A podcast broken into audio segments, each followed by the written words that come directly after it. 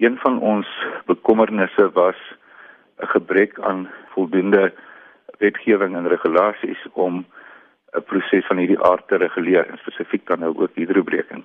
En die regering het 'n besluit geneem in September 2012 om skaliegas eksplorasie toe te laat aanvanklik sonder hidrobreking of vrokkeling totdat dit behoorlik gereguleer kon word. Toe die minister van mineraalsake na 'n beperkte konsultasieproses regulasies spesifiek om hidrobreking te reguleer gepromulgeer soos die minister van mineraalsake. Ons het toe 'n hof aansoek gebring om die regsgeldigheid van daardie regulasies aan te val. Ons is van oordeel dat hulle uh, onwettig was oordat die minister van mineraalsake nie by magte was om regulasies te maak wat omgewingsaspekte reguleer nie. Dis iets wat behoorlik wys deur die minister van omgewingsake gedoen moes gewees het.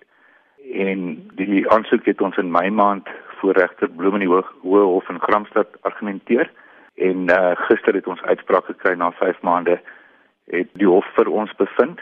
Hulle die hidrobreking regulasies tersyde gestel en die minister opdrag gegee om uh, weer daaroor te gaan uh, besin basies om dit dan behoorlik te doen.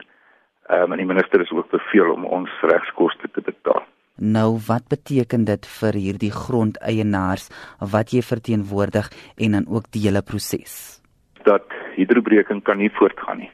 Dit kan net voortgaan as daar wettige regulasies in plek is.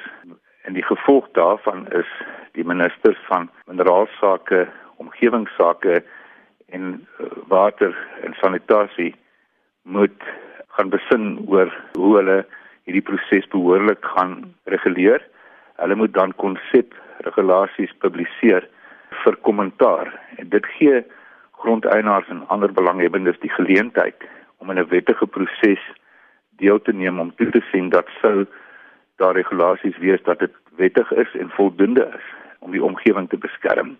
Daai proses kan jaar of so neem weer, maar uiteindelik sou die proses korrek plaasvind, dan sal ons ten minste wetgewing hê wat wettig is en wat die beskerming aan grondeienaars bied waar hulle geregtig is.